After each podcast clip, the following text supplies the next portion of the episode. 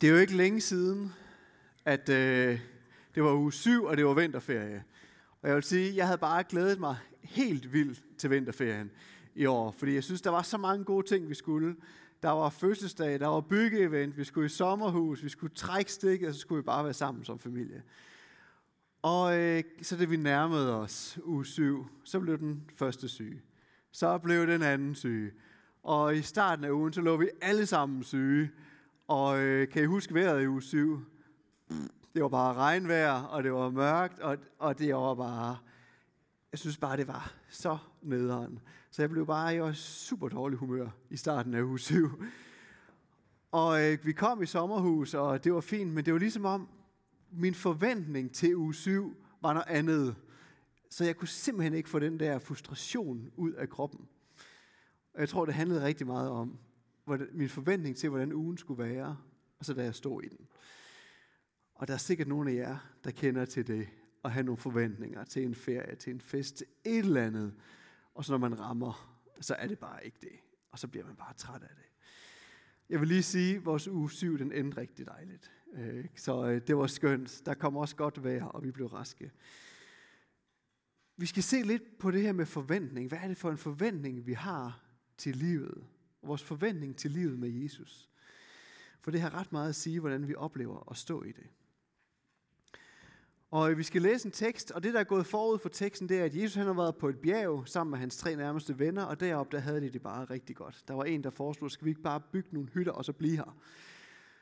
Og så kommer de øh, ned fra bjerget, og det er så der, hvor vi skal læse teksten til i dag. Og øh, jeg vil læse teksten, og så mens jeg læser den, så prøv at lytte efter, om der er et eller andet Gud, han minder dig om. Det kan være en ord, eller en sætning, eller en fornemmelse, du har. Og så prøv at spørge ham, hvad er det, du vil sige til mig igennem det her? Så tag det med, når jeg læser teksten, og så er vi bare lige stille et halvt minut bagefter, og så kan du lige have den tid, inden jeg deler, hvad jeg har på hjerte. Og det er fra Markus, og der står sådan her. Da de kom ned fra bjerget der, så fandt de resten af disciple stående omringet af mennesker, mens de diskuterede med de skriftkloge.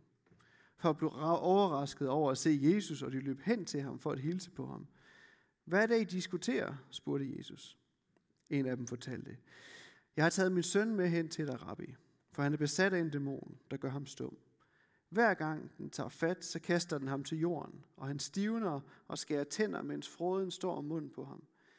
Jeg bad dine disciple om at drive dem ud, men det kunne de ikke. Jesus udbrød. I tror ikke på Gud. Hvor længe er jeg nødt til at være sammen med jer?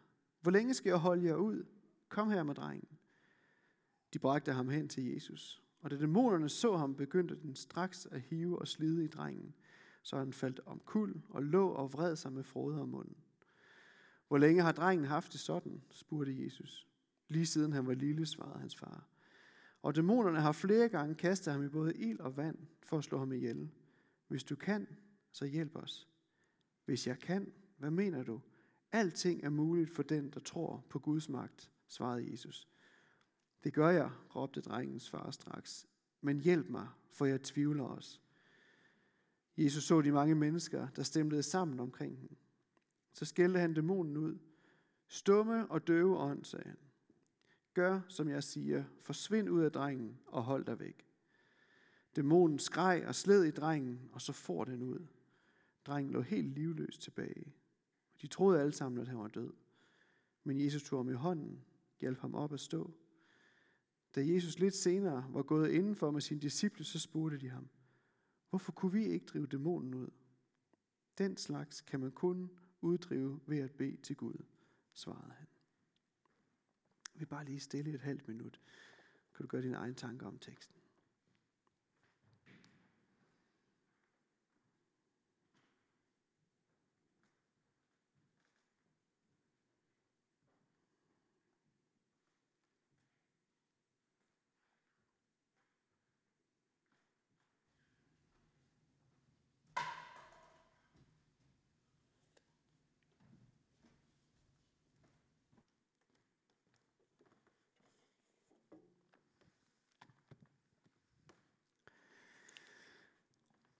Jeg ved ikke, hvad dine tanker er, når du tænker på et liv sammen med Jesus. Hvad det er, du ligesom forventer af det. Det kan være, at du tænker, at han er sådan en slags hjælper. Sådan en, du kan vente dig til, når livet det bliver vanskeligt, når du mangler energi eller fred eller et eller andet. Ligesom sådan en ekstra madpakke, man har med i livet, og så når det er svært, så kan man lige åbne den, og så spise den. Det kan også være, at du tænker, at Jesus han er sådan en, der skal beskytte mig. Han skal sørge for, at der ikke sker mig noget dårligt. Beskyt mig og min familie. Vi kan nemt få den her slags tanker om Jesus. At han er sådan et positivt bidrag til vores liv, der skal gøre det hele sådan lige lidt bedre, eller lidt mere tåleligt. Hvis det er din forventning til livet med Jesus, at han er sådan en app, der bare gør din telefon endnu federe, så er jeg bange for, at du vil blive skuffet. Og det er meget langt fra det liv, som Jesus han ligesom sætter disciplene i udsigte. Det er også meget langt fra det liv, som vi kan læse om, at disciplene de ligesom fik, da de begyndte at følge efter Jesus. Disciplerne de forlod ligesom alt, og så fulgte de Jesus. Og så kunne man godt tænke, at Jesus ligesom sagde til dem, øh, venner, det er simpelthen flot. Alt det, I har forladt, alt det, det har kostet jer indtil nu, så fra nu af, så skal det bare være rart og hyggeligt. Sådan, følg Jesus og få hygge. Det vil bare passe perfekt i sådan en dansk discipleskabsprogram, øh, program, ikke? Følg Jesus og få hygge. Men når vi læser i evangelierne om de disciple, der fulgte efter Jesus, så er det nærmest som om, at deres problemer begynder, når de følger efter Jesus. De ser Jesus gå rundt og undervise, helbrede folk og sådan noget, og så på et tidspunkt, så siger han til dem, venner, nu er det jer, der skal gøre det. Jeg forestiller mig, det har været en kæmpe udfordring for dem. Nu er det os. Men de tager den på sig, går ud, tager udfordringen op, og så, og så lykkes det. De kan helbrede folk og øh, super sejt. Og så kommer de tilbage igen, og så står der, så er de bare helt vildt trætte, har brug for noget tid sammen med Jesus. Bare være lidt i ro. Og så siger Jesus til dem, øh, der er 5.000 mennesker derude, de har ikke noget mad. Kunne I ikke lige give dem noget at spise? Åh, endnu en udfordring. Så må de i gang en gang til. Og nu læser vi så om den her tekst i dag, hvor det ligesom sker en gang til.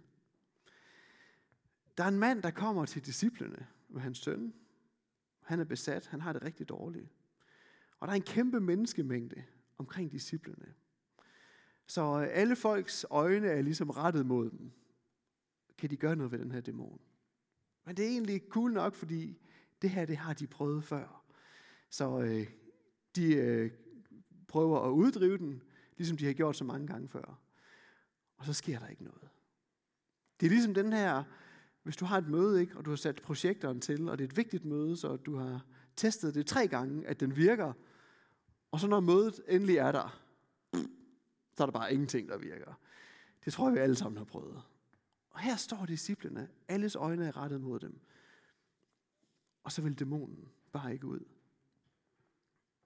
De er skakmat, og Jesus han er væk. Det er langt fra en optimal situation. De taber virkelig ansigt her. De er magtesløse, de er presset.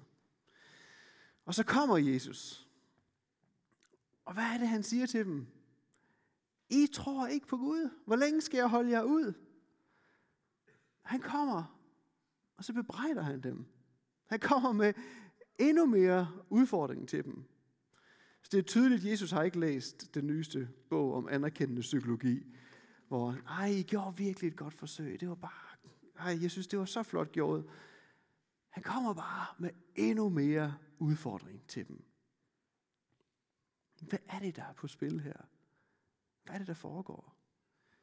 Og senere så spørger disciplene også Jesus, hvorfor kunne vi ikke uddrive dæmonen? Og siger han, den slags kan kun uddrives ved at bede til Gud. Jeg tror ikke, at det er ikke, fordi de ikke bad, det de prøvede, men der er ligesom der er en, en dimension af bøn. Der er en anden type bøn, Jesus på en eller anden måde snakker om. Hvis man ser den tilsvarende beretning i Matteus evangeliet, så siger Jesus, den slags kan kun uddrives ved bøn og faste. Så jeg tror, Jesus længes efter at se dem vokse ind en ny dimension af bøn. En ny dimension af livet med Gud. Jesus siger, bøn og faste. Jeg kan ikke lade være med at tænke på Lukas evangeliet, fordi der faster Jesus i 40 dage. Og der står, inden han faster, så står der, da Jesus kom tilbage fra Jordanfloden, var han fyldt af helligånden, og den førte ham ud i ørkenen. Så faster han i 40 dage, og så står der, Jesus vendte tilbage til Galilea, fyldt af helligånden og dens kraft.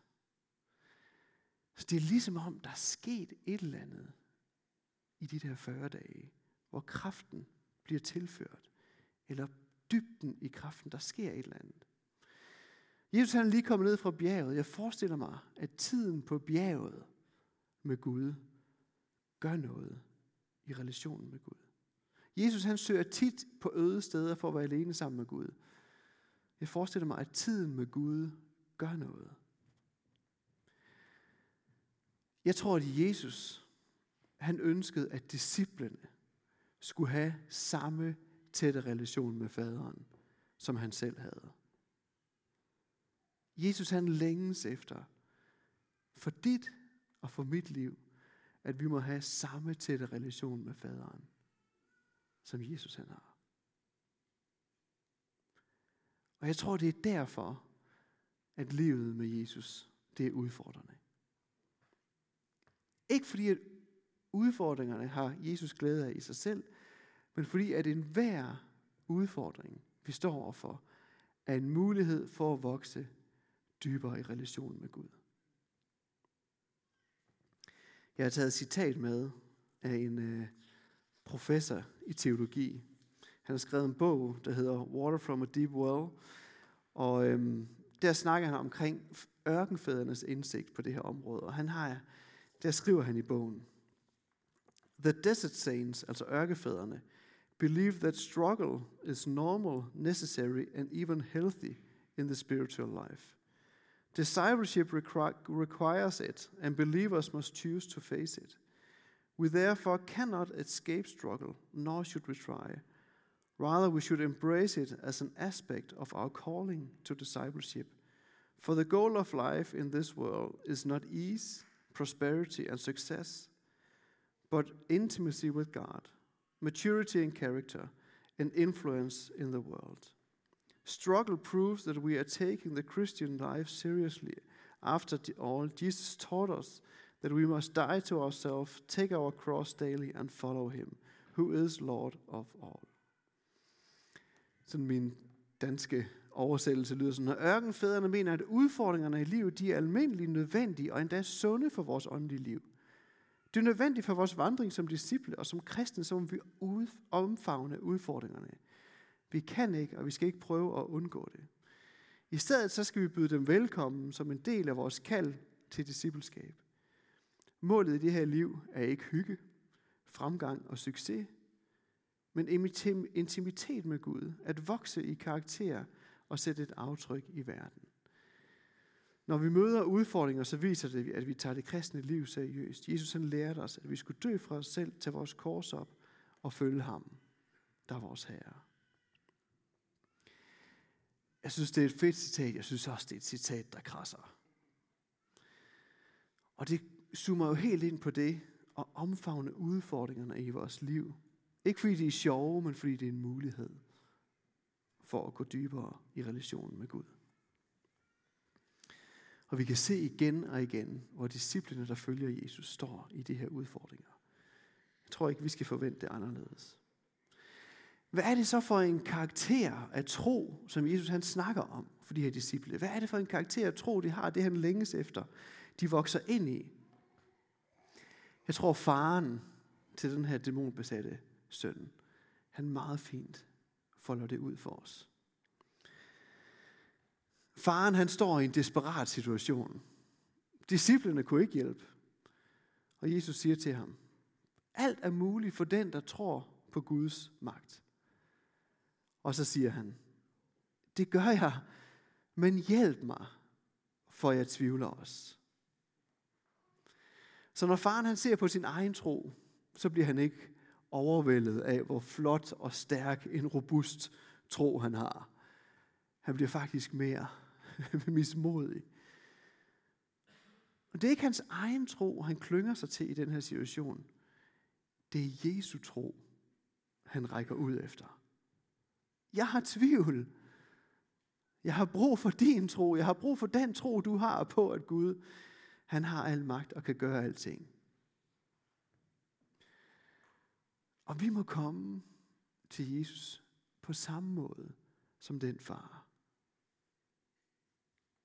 Når det gælder, når vi kæmper for vores ægteskaber, eller kæmper for venskaber, så må vi sige til Jesus, Jesus, jeg har ikke den kærlighed og tålmodighed, der har brug for her. Hjælp mig. Jeg har brug for dig, fordi du har den. Eller når klimakrise og krig det raser, og angsten den melder sig, så må jeg sige, Jesus, jeg har ikke den fred, jeg har brug for. Hjælp mig, jeg rækker ud efter dig, fordi du har den fred, jeg har brug for.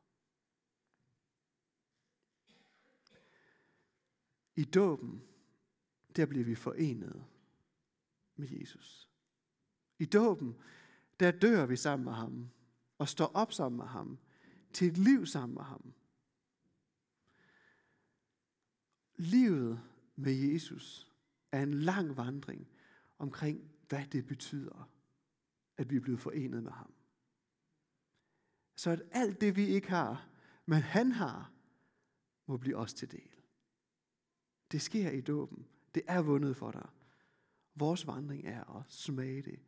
Dyk ind i det. Igen og igen kom til kort. Se, hvor lille en tro vi har. Hvor stor vores tvivl er. Og sige, den kan ikke redde mig. Jeg rækker ud efter din tro. Jeg rækker ud efter din fred. Dit liv. I nadvåren, der modtager vi det liv fra ham. Der mindes vi hver gang, at han har det. Han har den tro, som vi ikke har. Han levede det liv, som vi ikke kunne leve. Og hver gang det går op for os, så er vores vandring at give op, indse det, acceptere det, give op på os selv og række ud efter ham. Han har det. Nu er vi i fasten. Og når vi skal noget til side for at give tid sammen med Gud, så er det for at meditere over, at vi er afhængige af Jesus. Når vi søger op på bjerget for at være sammen med Gud, når vi mødes i lovsangen, når vi mødes til gudstjeneste, så er det for at meditere over vores afhængighed af Gud. Hvor lidt vi selv magter, og hvor meget vi har brug for ham. Når vi øge, søger de øde steder, sætter tid af til at være sammen med Gud, så er det for at meditere over vores afhængighed af Gud. Og hver gang vi møder udfordringer i det her liv, så er det en anledning til at stå op, stoppe op og meditere over, hvor lidt vi kan selv, og hvor meget vi har brug for ham.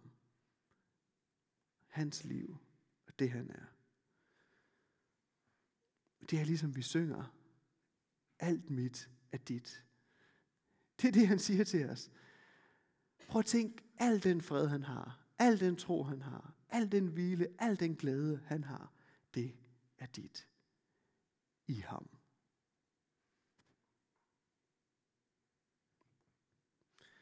Tro, det er at miste troen på sig selv og klamre sig til ham, ligesom den far han gør, der ikke har flere kort på hånden. Miste troen på sig selv og klamre sig til Jesus. Det er udfordrende at være på vej i livet på den måde. Det er udfordrende, men det er også helt, helt vidunderligt. Fordi han er fred og kærlighed og glæde, som vi ikke finder i os selv. Prøv lige til sidst hør de her ord, som er fra beretningen. Jesus tog ham i hånden og hjalp ham op og stå. Det er det, der står om det, Jesus han gør. Og jeg synes, de her ord, det er som om, de er sagt til drengen. De er sagt til faren, der står desperat. De er sagt til disciplene, der ikke evner det, de gerne vil. Og de er sagt til os, som står i livet med alle disse udfordringer. Jesus tog ham i hånden og hjalp ham op og stå. Det er helt vidunderligt, at det er sådan, han møder os. Vil I ikke bare komme op nu? Så vil vi have lidt tid til at synge sammen og bede sammen. Vi går nok lige lidt over klokken 12 i dag, er jeg bange for. Men lad os tage tiden. Prøv at tænke på de udfordringer, du står i lige nu. Det kan være udfordringer i dit ægteskab, i venskaber. De udfordringer, de tanker, der fylder dig, er svære at gå med. Tænk over de udfordringer, du er i lige nu. Og tænk, det er en mulighed for at gå dybere med Gud. Det er en mulighed for at omfavne alt det, du ikke kan, og læn dig ind i Jesus. Grib ud efter ham. Det er en mulighed for at give slip. Lad sig gribe og søge ind i den livgivende afhængighed af Gud. Lad os bede sammen. Jesus, tak fordi, at hver ting, vi kommer ud for, er en mulighed for at gå dybere med dig. Tak fordi vi aldrig er et sted uden dig. Om vi føler det, oplever det, eller om vi ikke gør, så er vi der sammen med dig. Du er hos os. Og far, hjælp os til at se enhver udfordring som en invitation til at kende dig mere. Som en invitation til at være afhængig af dig. Alt det du er. Tak fordi du har delt det med os, far. Vi beder om, at vi får lov til at smage det i mere og mere. Måske bare ikke glemt. Tak fordi du siger, at alt mit er dit.